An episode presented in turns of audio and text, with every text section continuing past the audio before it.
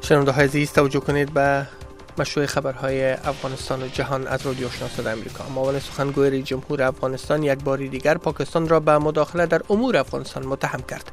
دواخان مینپال در صحبت با رادیو آشنا صدای امریکا در واکنش به سفر هیئت گروه طالبان از قطر به اسلام آباد گفت تا زمانی که پاکستان بر تعهدات کتبی خود عمل نکند آن کشور اعتماد نخواهد شد.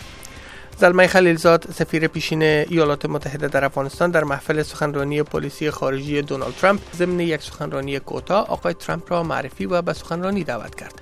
این رفتار آقای خلیلزاد این مفکوره را در نزد اکثر مبصرین تداعی کرد که گویا این سفیر پیشین ایالات متحده در افغانستان از آقای ترامپ حمایت کرده است. اما آقای خلیلزاد در صحبت با CNN این موضوع را رد کرده گفت که وی تنها آقای ترامپ را معرفی کرد.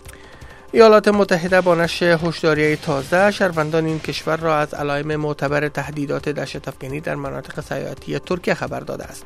در این هشداری که اواخر روز سهشنبه در وبسایت سفارت ایالات متحده در ترکیه به نشر رسید آمده است که واشنگتن تا هنوز هم گزارش را به دست بیاورد که گروه های دهشت افغان به دنبال فرصت حملات علیه مناطق عمده سیاحتی ترکیه می باشند سفارت ایالات متحده در ترکیه از شهروندان امریکایی خواسته است در مناطق مزدحم و معروف سیاحتی مراقب باشند پس از ماها رقابت های انتخاباتی دونالد ترامپ جمهوری خواه و هیلری کلینتون دموکرات در آستانه رویارویی در انتخابات ماه نوامبر قرار دارند.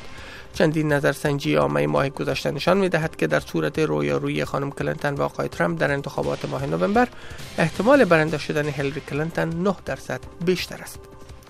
گروه دولت اسلامی در ضعیفترین وضعیت خود از بدو ایجاد آن گروه تا به حال قرار دارد. یک مقام استخباراتی ایالات متحده بدون افشای نامش به صدای امریکا گفت که سرازیر شدن جنگجویان خارجی به سوریه و عراق کاهش یافته و در نتیجه با توجه به تلفات آن گروه در میدان جنگ داعش قادر به پر کردن خلای ایجاد شده افراد خود نمی باشد روسیه از شورای امنیت ملل متحد خواسته است علیه دو گروه مخالف سوریه که در مذاکرات صلح دخیلند تذیرات وضع کند. ویتالی چورکین سفیر روسیه در ملل متحد گروه های جهش الاسلام و احرار شام را و داشتن ارتباطات نزدیک با داعش و القاعده متهم کرده است. سلا عبدالسلام مزنون اصلی حملات پاریس که مقامات بلژیم وی را به فرانسه تحویل دادند رسما تحت تحقیق قرار گرفته است.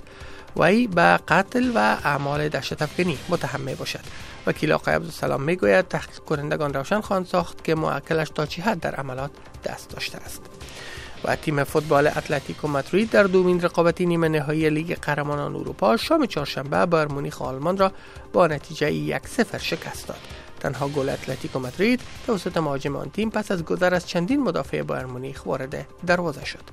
در نخستین رقابت نیمه نهایی ریال مادرید در برابر منچستر سیتی به تساوی 0 0 دست یافت. پایان اخبار.